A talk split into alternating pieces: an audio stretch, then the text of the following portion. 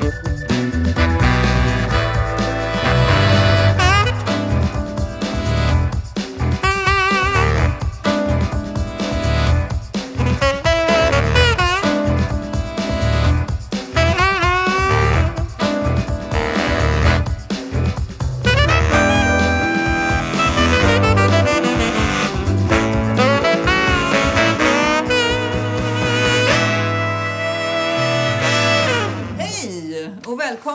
till Fairway. Med Olsson och Blixt.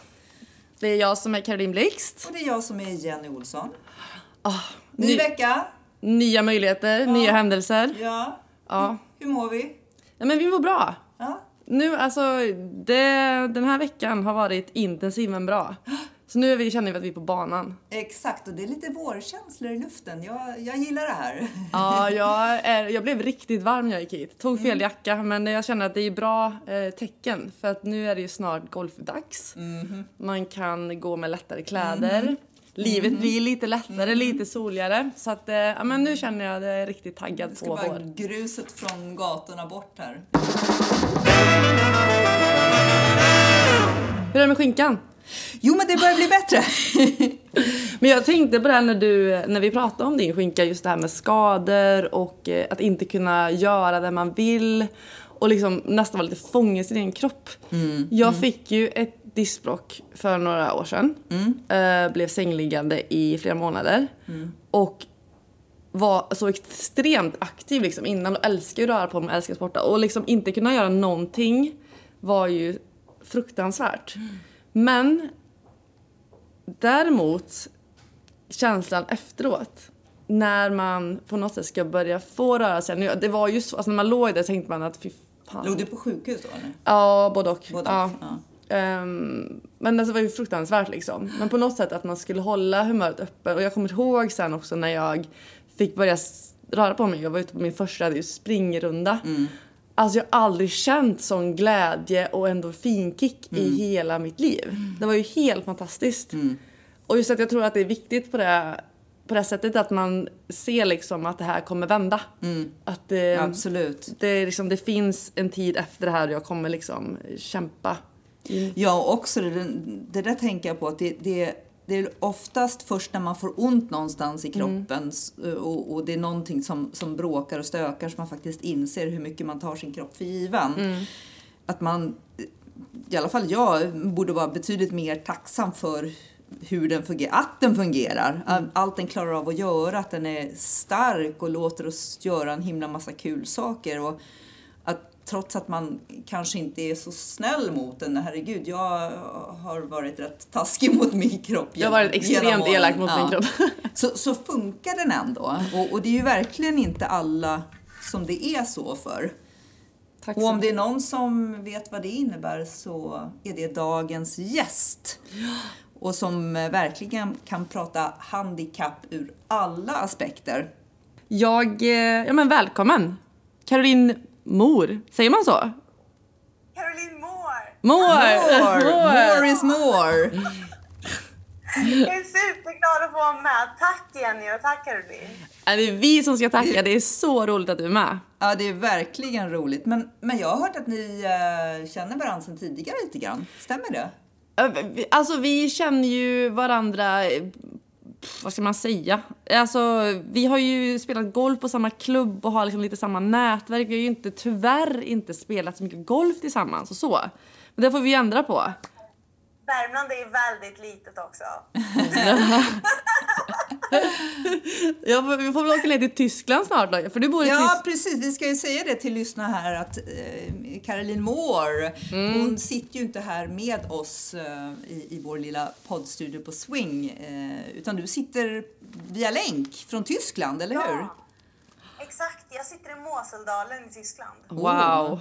Så att Ni pratade ju om att det börjar bli liksom lite lättare tider och vår och vi Ja. har faktiskt 22 grader här. Nej, du skojar! Vilken lyx! Åh. Hur, eh, hur kom det sig att du bor i Tyskland nu? men det är kärleken. Mm. Klassiskt. Jag träffade ju min man för ett par år sedan. Och, och sen efter det så, så bestämde vi oss för att ja, men är det någon som kan flytta så är det ju jag. Jag var lite mer mobil än vad han var. Så att vi bestämde oss för att men vi ger Tyskland en chans. Det är hans Okej. hemmastad. Så att jag flyttade ju ner utan att kunna ett ord tyska, men det har varit bra. Alltså shit vad spännande. Ja men då får vi väl åka till Tyskland eller Ja, men det på. tycker jag. Det tycker jag. Måseldalen, där har de goda viner också så att det... Ja men då åker ju verkligen till Tyskland och på. Ja men gud vad häftigt. Så nu pratar du flytande tyska då och jobbar där nere helt enkelt? Eller eh, bor Ja, och lever? Ja. Och Sak- så i och med förra årets förändringar så blev det liksom virtuellt över hela världen så Mm. det bara öppnade ju upp ännu mer möjligheter. Så det, det spelar ju faktiskt inte så stor roll egentligen vart man är och det tycker jag är väldigt, väldigt härligt. Mm. Håller med. Vi brukar ju ha lite avsnitt i våran podd där vi checkar in ett litet eh, livshandikapp. Ja, lite eh, så här i starten, checka in hur, hur, var befinner vi oss eh, här och nu handikappmässigt? Så ett exempel då, så att, ja, men, eh, jag är en medelhandikappare och man tycker att livet är lite så här, sådär just nu. eller är man, svajigt, ja, ja. är man singel eller är man liksom höghandikappare? Så att, vi tänkte fråga dig den här veckan, hur ser ditt livshandikapp ut? Både kanske i livet och i golfen. Åh, vad spännande! Mm. När man får tolka det utifrån det här sättet, livshandikapp. Mm. Um, då tänker jag så här att just nu så känns det att jag är singelhandikappare. Härligt! Ja, före, före årsskiftet då var det nog lite mer höghandikappare. Ja, det går ju upp och ner som golfen. Ja, det gör ju det. Men nu känns det verkligen som att det är på nedgång eller liksom uppgång i det som jag gör, men i nedgång i liksom själva känslan. För att ja, men nu, nu känns det verkligen som att våren är på gång. Precis där ni sa, att liksom mycket händer. Den virtuella världen börjar liksom kicka igång. Ja, men jag känner mig väldigt bra just nu. Jag mår väldigt bra utifrån de, de eh, förutsättningarna som vi har. Liksom. Så, så känns det som att men just nu är det bra. Om jag checkar in idag så är det bra. Gud, vad härligt att höra. Då behåller vi den, då behåller vi den eh, känslan och den Ja, incheckningen, ja. tycker jag. Men du, var, var, var står du då, Caroline? Vad, vad har du för... Nej, men jag håller nog med Caroline lite där. Jag, eh, jag, jag jobbar mig neråt på handikappnivån då, och uppåt i livet. Så att den här veckan så ligger jag nog på en eh, nära singel skulle jag säga. Nära singel Ja, det är nära singel. Mm. Okej. Själv då? Ja, jag eh, kämpar ju fortfarande med min högerskinka här nu då, lite grann. Men, men jag är på nedåtgående också. Jag skulle väl säga att jag kanske är en eh, 16 och eh, på väg neråt. Mm, ja, men- Fe- 15,9 då. Jag är 12,3. Nej.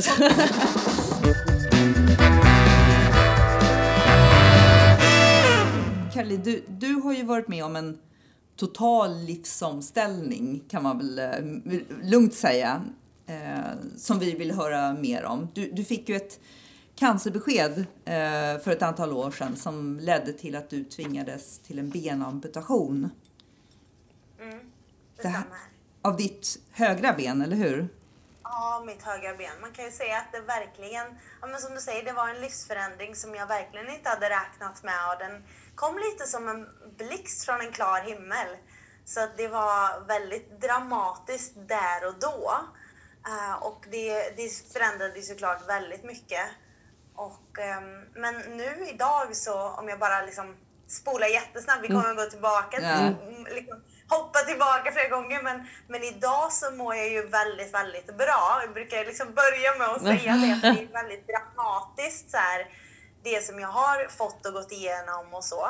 Men, men idag så mår jag ju väldigt bra. Jag tycker ju om mitt liv och jag verkligen, ja, men, eh, ja, alltså, vad ska man säga, lärt mig att leva med hur det är. Och jag tänker så här att oavsett om man har ett eller två ben så lär man sig leva med sin förutsättning varje dag. En dag så vaknar man och så här, som du sa Jenny, ja men du vet liksom skinkan är lite Ja. om. bara, eller att man känner sig superstel eller ont i ryggen eller så här.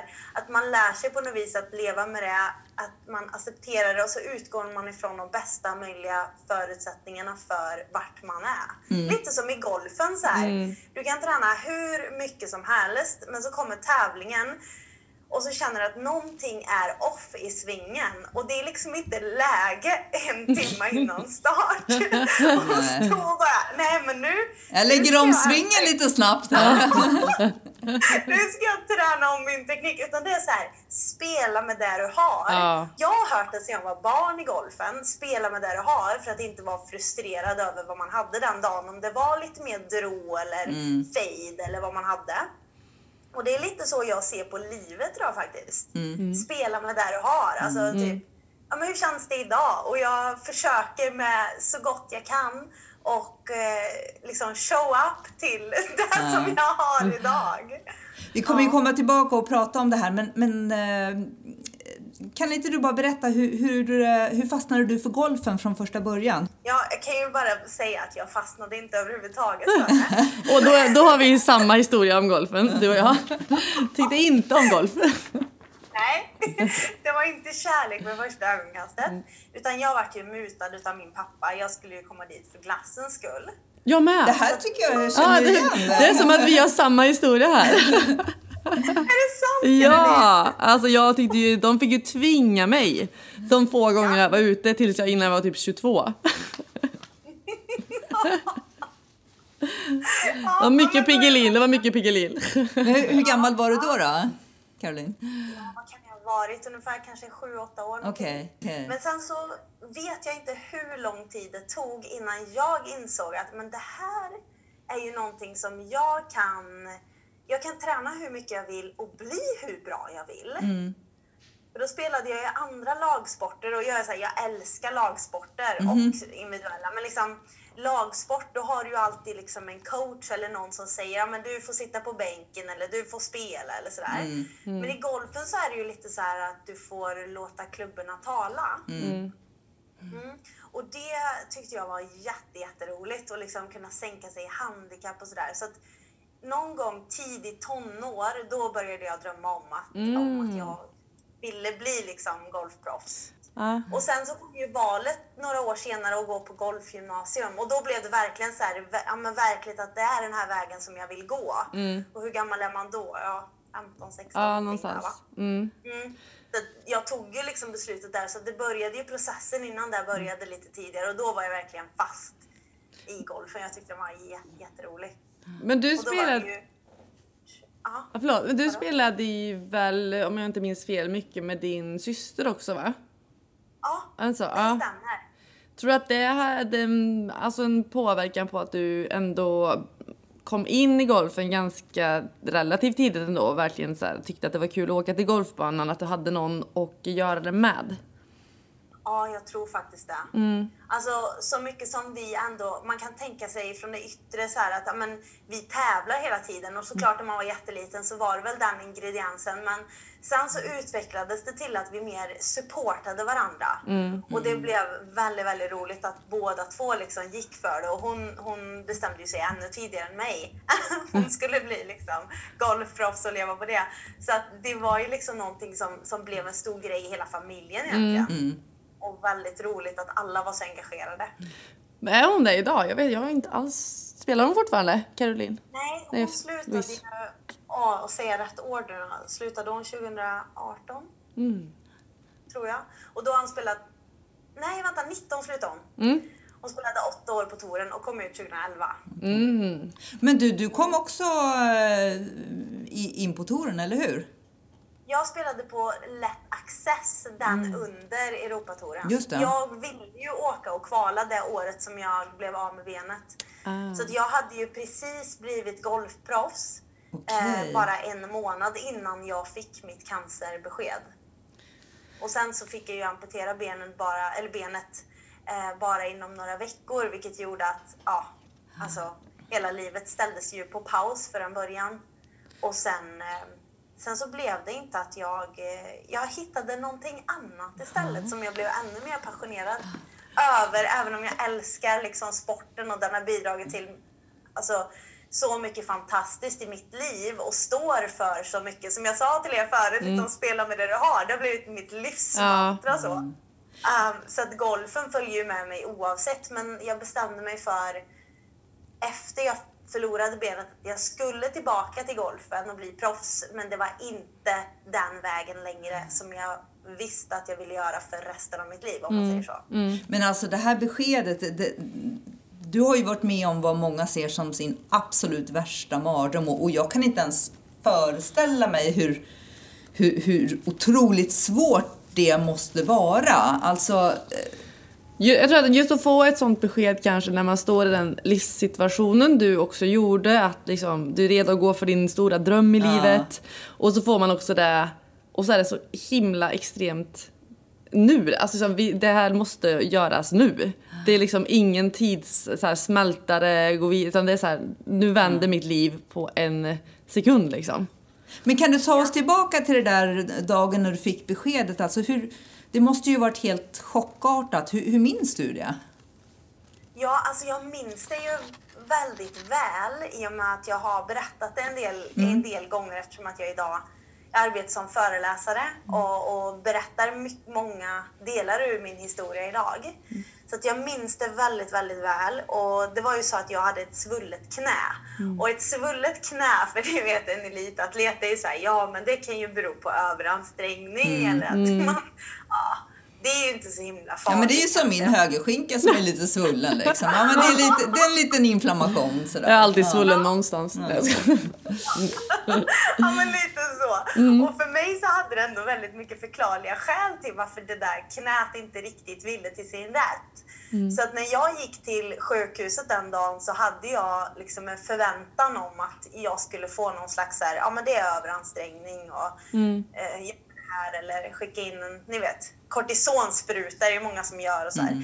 Men så fick jag ju ett helt annat besked och jag kommer ihåg det väldigt väl att jag hann sätta mig på den här stolen framför min doktor och han tvekade inte ens. Alltså det, var, det gick så snabbt från att en sjuksköterska kommer med in i rummet, så jag blev väldigt förvånad över för hon var med där inne. Mm. Hon la liksom ställde ett glas vatten framför mig, la lite papper och nu vet, då känner man så här, vad är det som kommer hända nu? Då var det som att energin i rummet liksom bara mm. förändrades, som att man kan ta på att någonting är på gång som jag inte har en aning om vart det här barkar. Mm. Uh, och han sa det liksom rätt ut, vi har hittat cancer i ditt knä. Uh, det här är en livshotande cancer och vi måste amputera ditt ben. Så, oh, gud, jag ryser, förlåt! Ja, verkligen. Oh. Det måste så det är liksom inte bara cancer utan också amputation? Alltså, Nej, jag, ja, jag kan inte ens föreställa mig. Nej. Det, är ju, det måste vara som att alltså, man, det känns som att man sjunker man inte genom jorden liksom och känner att vad... Oh. Allt försvann ja. liksom. Men först så tänkte jag så här, alltså jag kunde inte ta in de här orden. Nej. För att de var så jäkla stora, svåra och liksom ja, men alldeles för tunga. Jag var inte, jag var inte beredd överhuvudtaget. Mm. Så att först så trodde jag, och det här är ju helt sjukt, men jag trodde ju att han skämtade med mig. Mm. Alltså, mm. jag, bara för, jag bara förväntade mig att han skulle spricka upp ni vet, och säga liksom, jag skämtar bara. Men han gjorde ju inte det. Och jag vet inte varför jag trodde att han skämtade med mig. Men det var så långt ifrån min verklighet. Ja, ja. Jag liksom bara, men det här, jag har kommit till fel rum. Jag, mm. Ska det vara någon annan patient här på stolen? Mm. Men, men det var ju inte så. Så det var, nej, det var helt sjukt och allting bara försvann i den stunden. Fast mm. det var väldigt svårt att ta in. Jag förstår det, det ja, för det är som, det är som den kommer ju från liksom rak höger, alltså den mm. kommer ju från ingenstans heller. Att det måste vara så himla svårt att ta in något sånt då när man inte alls har förväntat sig något överhuvudtaget likt det här liksom. Men tänkte du, äh, kom det så här dödstankar liksom att oj hjälp, kommer jag dö nu? Eller var det mer så här kopplat, men hur ska jag jag ska ju bli golfproffs, hur, hur ska det gå? Alltså, var det rent konkreta sådana funderingar på? Nej, det var mer, det var inga dödstankar och det var inget om golfen utan mm. det var mer när man hör ordet cancer, eller jag, som, jag var ju 22 år då. Jag trodde ju att man blev supersjuk utav alla cellgifter och ja, ni vet tappa hår och så allting. Så det var bilder jag direkt associerade med cancer. Liksom de här typiska man ser på Cancergalan eller hör om så. Det var ju min bild, men i mitt fall så fick jag en cancertyp som inte kan räddas med cellgifter eller strålning. Utan det är en slags slutskedscancer Oj. Oj. som, ja, som bara drabbar liksom, det här är också sjukt, bara äldre män över typ 70-75 år. Och där satt jag. Och den här cancern fanns nästan ingen forskning. Det finns ju liksom typ över är det, nästan 400 olika sorters cancer. Och eh, min kan man inte ha cellgifter till. Så det är bara amputation som gäller. Och det ska göras kvickt. Annars har man liksom ingen chans. Visste de hur mycket de var tvungna att ta av ditt ben då eller? Ja, han visste ju det. Eh, och jag, det kommer inte, om jag är ärlig så kommer inte jag ihåg att vi pratade om det. Det jag kommer ihåg i alla fall är att jag var kvar lite på sjukhuset med min dåvarande sambo och liksom försökte smälta det här. Och efter en timma på sjukhuset, då frågade jag min, min läkare så här, hur ser det ut att gå med protes? Okej. Och jag, ja, och jag, visste, jag hade ingen aning om det då. Men retroperspektivt när jag, när jag tittar på det idag, på den situationen och min fråga, så är det för mig första tecknet på att jag har börjat att processa en Ja. ny visuell bild av mig själv i framtiden. Och det är ju, alltså, när jag hör det så tänker jag direkt bara vilken otrolig livsglädje. Alltså vilken Ja. styrka. För jag tror att många, alltså jag skulle nog säga 9 av 10 skulle nog hamna på ett mörkt ställe ganska länge. Om inte hela processen innan det händer och efter också. Men att du redan så snabbt börjar tänka, hur ser mitt liv ut nu? Det är ju helt fantastiskt. Men det var Caroline, det var också för att allt var liksom, allt hade bara rasat för mig. Och jag tror så här också, det har golfen bidragit till att jag vill liksom hålla fast i någonting. Jag vill liksom hitta någonting att se fram emot. Ni vet så här, golfare jobbar alltid mot mål och väldigt tydligt så här, vad ska förbättras. Och jag hade ingenting i den stunden som jag kunde hålla fast vid. Och det är för mig liksom den största osäkerheten i mitt liv när jag inte kan hålla fast i någonting.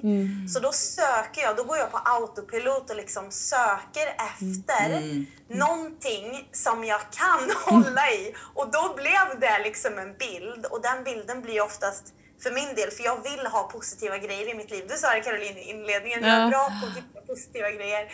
Det blev så här en, en, en bild av utveckling för mig. Någonting att se fram emot som kunde liksom bedöva den där fruktansvärda allting som jag hade i den stunden som bara var borta liksom. Så Men- det, var, det blir mitt svar av varför jag gjorde just så. Och jag tror att eh, säkert att, att många kanske skulle ha svårt att direkt ställa om. Men jag tror också att det är otroligt tufft att eh, säga i förväg hur man ska reagera. Ja. Det blir så här typ överlevnadsinstinkt vet ni. Jag måste bara vidare. Jag tror att det ligger inom oss alla den här kraften av att vi ska vidare. Vi hittar lösningar genom det här förra året som har varit, allting som har hänt liksom. Vi har ju hittat sjukt mycket lösningar.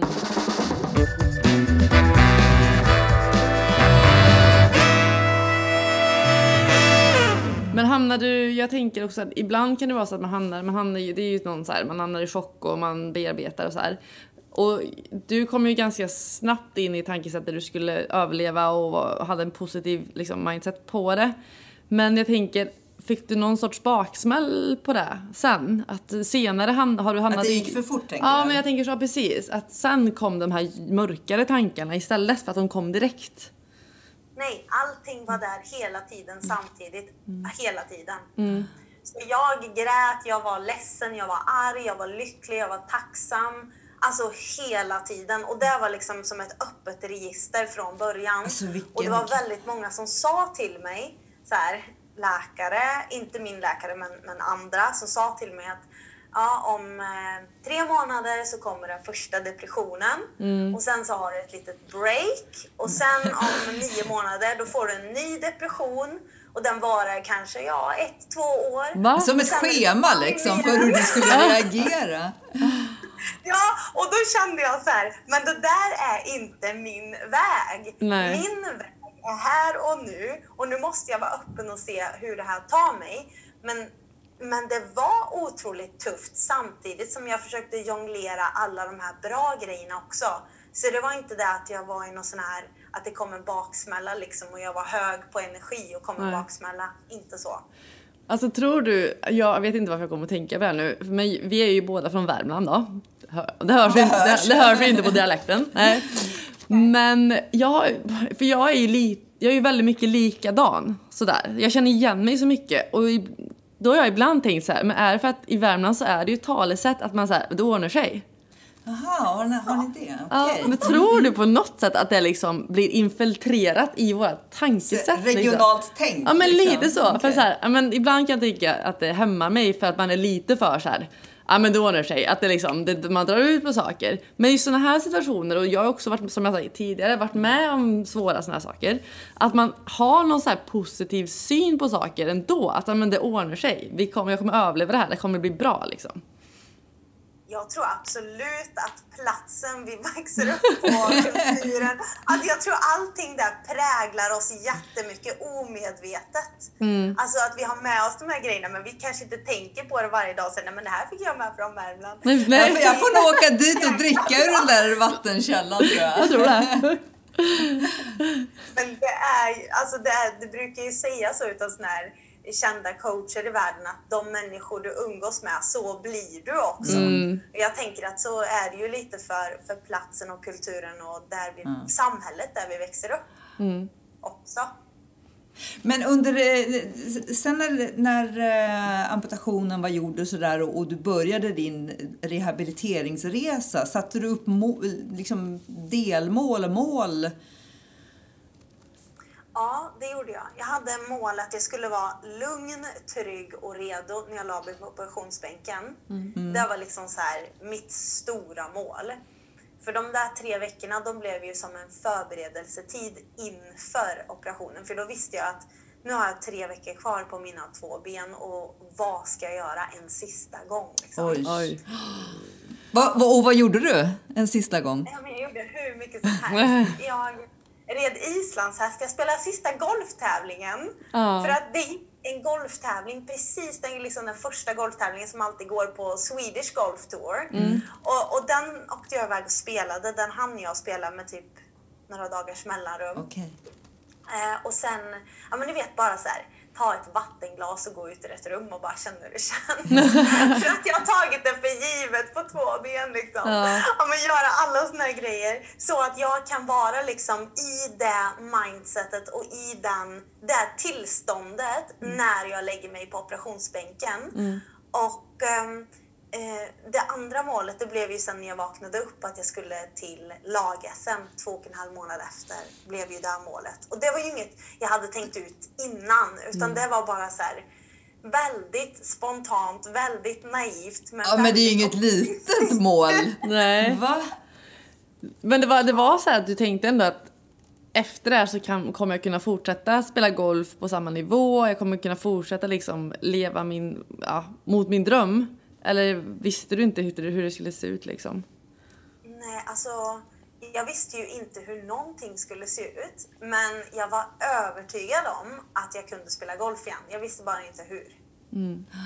Jag visste inte om det skulle gå på ett ben, två ben med protes. Ni vet en sån här, har ni sett en sån här uppfällbar, jag vet inte riktigt vad de heter nu. Um, En sån här paragolfbil Ja, tänker exakt. du typ? Ja. Mm, en sån som man, liksom ett eh, bälte som man fäster över magen och så håller den håller det upp. Så jag hade ju ingen aning, men jag visste att det kommer att gå på något sätt. Men jag visste inte hur. Men, Men, men fick du en eh, protes utprovad direkt då, eller hur, hur ser den processen ut? Jag var ju ganska ivrig att komma igång efteråt. Ja, herregud, du skulle ju spela lag-SM två och en halv månad senare. men gjorde du det? Ja, när de hörde mina planer och mål så sa de herregud, det kommer du inte hinna få en protes. Då sa jag, men vad bra, då kör jag utan. Ja. Eh, så det var bara iväg till golfbanan och Lollo, min syster, hon höll mina höfter första gången jag stod på ett ben och fick iväg bollar. Men jag kände ganska snabbt så att ja, men det här, den här balansen går att träna upp. Mm. Sen så blev jag ju varse om de här, vad är det nu, 62 muskler eller vad vi har under foten som konstant jobbar när vi står på ett ben. Ah. Så att varenda muskel har jag nog känt kramp utav. Alltså. Det tog ju ett tag att lära sig att och liksom orka stå på ett ben så att du liksom, ja men nu orkar jag slå tre bollar. Ja, nu sätter jag mig ner. Nu orkar jag slå fem bollar. Nu orkar jag slå tio bollar. Så det var ju verkligen en process som fick fortgå väldigt så här organiskt. Det var ju inget jag kunde pressa fram. För krampen fanns ju där om den fanns där, eller så fanns den inte där. Eh, och min energi fluktuerade ju också upp och ner. Där hjälpte golfen mig otroligt mycket. För i golfen så har jag alltid jobbat med visualisering av målet. Och jag är en otroligt visuell person. Många upplever ju att det är väldigt hjälpsamt och vissa upplever att de behöver någonting annat för att jobba mot sina mål. Kanske det är en känsla eller det är liksom att de säger någonting till sig själv, typ som ett dagligt mantra som får dem att liksom fortsätta. Men jag är väldigt visuell och liksom tänker och, i bilder mycket på vad jag vill uppnå och hur det ska se ut. Och jag tänkte ju på det här målet varje dag under de här två månaderna. Alltså verkligen nästan i så här, ni vet, man lägger sig ner och mediterar. Och så tänkte jag på hur jag kom till den här golfbanan och hur allting såg ut. Och, ja, men liksom, ända till detaljer av hur ser flaggorna ut i vinden? Hur känns vinden mot mina kinder när jag går på golfbanan? Så det var någonting som jag hämtade från min egen golfsatsning som jag har gjort inför varenda tävling har jag spelat den visuellt i mitt huvud innan tävlingsdags. Så gjorde jag det igen. När du berättade det här för eh, coachen på klubben, eh, lagcoachen, vad, vad fick du för reaktioner på det? Hur mycket morfin har du fått? Nej, men det är ju lite galet. Alltså det är ju väldigt galet. Det är ju inte kanske... Alltså jag vet inte riktigt vad jag hade tänkt idag om den tjejen som satte de där målen. Men jag tyckte det var fantastiskt roligt att hon gjorde det. Ja. För ehm, ja, men det var verkligen, det var helt rätt där och då. Men det, jag förstår att det är många som tycker att det är helt galet och kanske inte rätt eller fel eller för tidigt eller sådär. Men eh, för mig var det rätt. Alltså du verkar ha en sån enorm grundglädje i dig. Jag är helt fascinerad hur, du har bearbetat det här och, och just accepterat väldigt snabbt i processen att nej men, nu, är, nu är läget så här, nu är, tar livet en, en helomvändning. Det är bara acceptera tugga i sig det helt enkelt och, och gå vidare. Alltså, hur, hur viktig är acceptansen i det här? Ja, men jag tror att det är en av de viktigaste grundstenarna faktiskt. Ehm, alltså, jag tänker att man kan acceptera på flera sätt. Att man kan acceptera liksom, ja men jag accepterar att det är så här. Och ni vet det här, äh, lite den här offerkänslan i sig själv. Att man måste acceptera hur det är. Men ja, det är bara att göra som det är. Men det har ingen energi. Men om man istället väljer att acceptera. Alltså skillnaden i det är ju att man kanske, ja men jag väljer att acceptera situationen som den är. Jag eh, vill vara öppen och, och vara nyfiken. Jag upplever att barn har den här förmågan Ja. väldigt mycket. Ja, ni vet så här, ja, Innan men de börjar formeras och, Ja. och bli vuxna, precis. Mm. Ja, och de är ju bara i sitt, i sitt varande på något vis. Liksom. Så de, de har ju accepterat situationen som den är. De är väldigt nyfikna, de är öppna och sådär. Eh, så, att, så det var nästan lite det mindsetet som jag fick nästan ta mig an under den tiden. Eh, och, och det hjälpte mig verkligen att komma vidare. Ja, så det är en, verkligen ingenting att förringa, att vara liksom helt ovetande men ändå väldigt nyfiken, öppen och accepterande. Att det är i de Ja, det- stunderna det- som det där vi kan jag- hitta guldkorn. Liksom. Ja. Ja, det där måste jag verkligen lära mig av. För jag har ju eh, genom hela livet haft ett enormt svårt problem att hantera förändringar. Eh, och, och känt verkligen ett motstånd mot förändringar. Och det är egentligen först nu de senaste åren jag har börjat hitta den där acceptansen som, som du berättar om. Att ja, men okej, nu, nu blev det så här, nu är läget så här, utgå från det och, och gå vidare därifrån. Du kan inte förändra det som har skett, men du kan bara ja, ställa in huvudet på och förändra det som kommer framåt. Jag är, nog, jag är nog lite tvärtom. Jag har nog varit alldeles för mycket att jag kan ställa om jättesnabbt liksom. Och typ varit alldeles för mycket att jag ser bara nästa sak. Och det är inte heller bra på ett sätt. För då liksom njuter man hellre aldrig det här att man är här och nu. Ja, då springer man ju bara. Precis, jag har bara sprungit, sprungit, sprungit, sprungit och inte liksom tänkt på okej, okay, njuta av situationen, vad jag faktiskt är, vad jag uppnått. Eh, eh, och ja, det kan jag, alltså ångest är där, men alltså det, det kan jag tycka är lite jobbigt att, att jag har gjort alldeles för mycket. Men jag har ju lärt mig av det nu också så nu mm. försöker jag verkligen så här, ta den här tiden att nu, upp, nu firar de här små sakerna i vardagen och liksom när man har uppnått ett delmål att man verkligen tar tid att så här, shit vad, vad bra det här blev eller nu, ja, nu ska jag verkligen mm. njuta av det. Och jag är lite, lite nyfiken på det också just det här ja, med rutiner och nycklar som du ser som du använder idag också. Gör du någonting liksom varje dag eller någonting som, som, så att du håller din positiva syn på livet eller är det något sånt du gör också?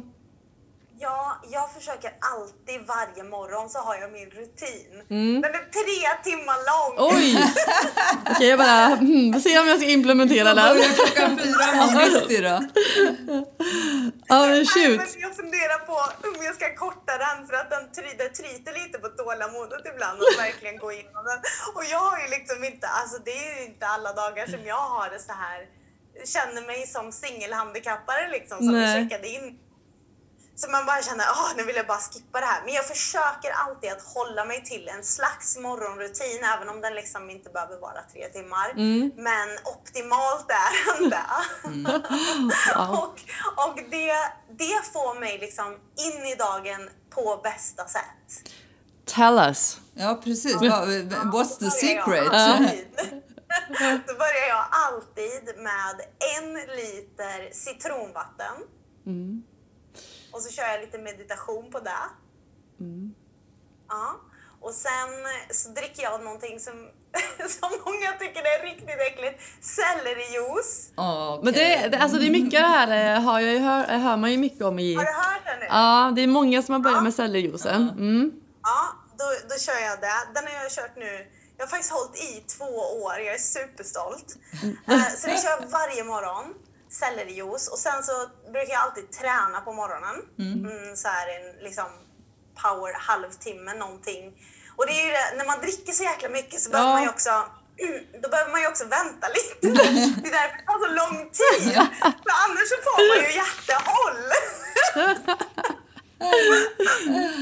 Alltså, så det gäller ju liksom att man typ, men det går ju det går superbra nu med den här virtuella världen för när jag har varit och rest så har ju inte jag kunnat haft den här rutinen. Mm. Men jag har alltid velat ha den för jag tycker den är sjukt bra och jag får så mycket energi mm. och liksom sätter kroppen i rätt läge och så när jag har tränat liksom och gjort allt det, ja men då sätter jag mig och käkar lite gröt. Mm. Och sen så startar jag min dag och då har det gått ungefär tre timmar. Ja. Men alltså jag, å andra sidan, när jag tänker på det så har ju inte jag en helt olik rutin som dig. Det tar ju så lång tid. Jag tränar ju också varje morgon.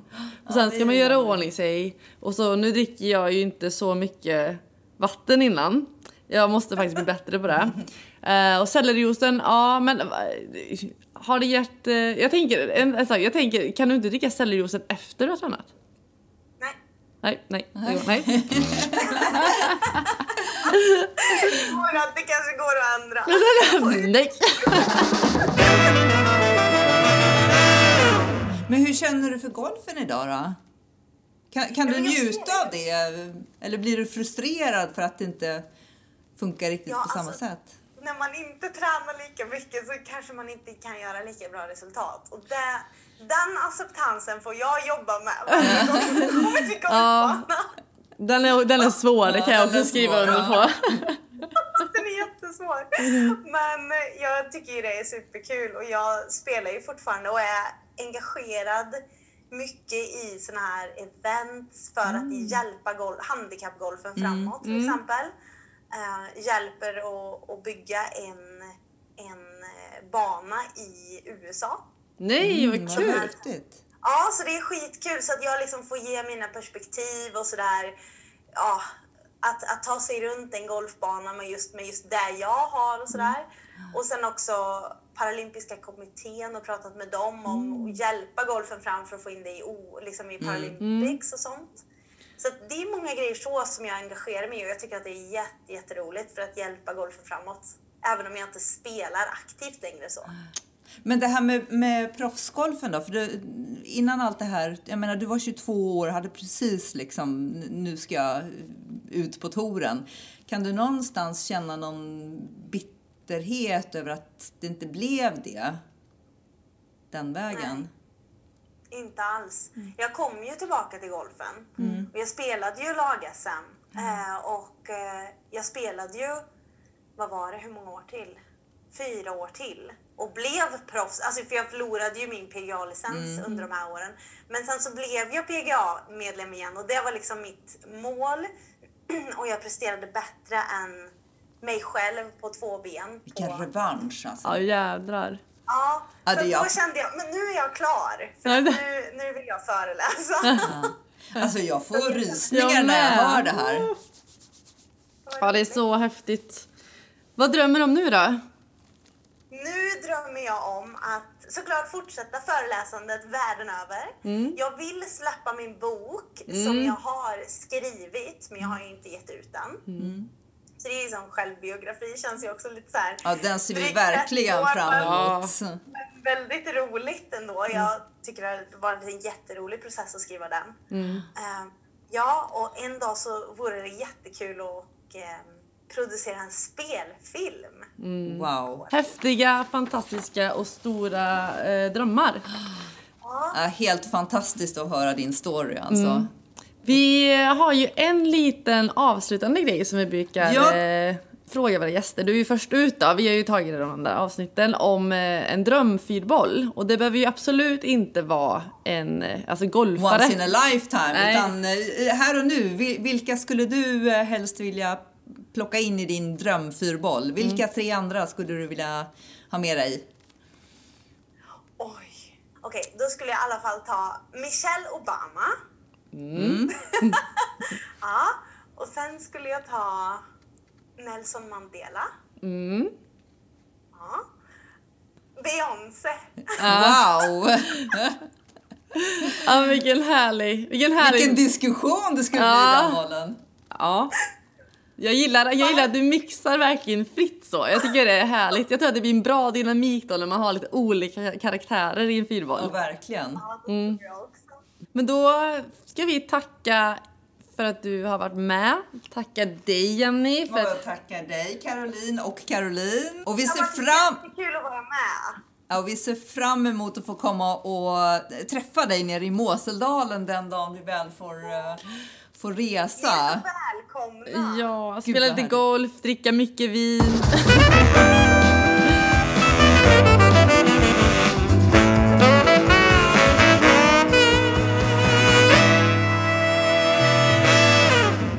Glöm inte att följa oss på Spotify och Apple Podcast. Mm, och glöm inte att följa oss på Instagram. Fairway Olsson Blixt. Jajamän. Hej då! Tack, hej då!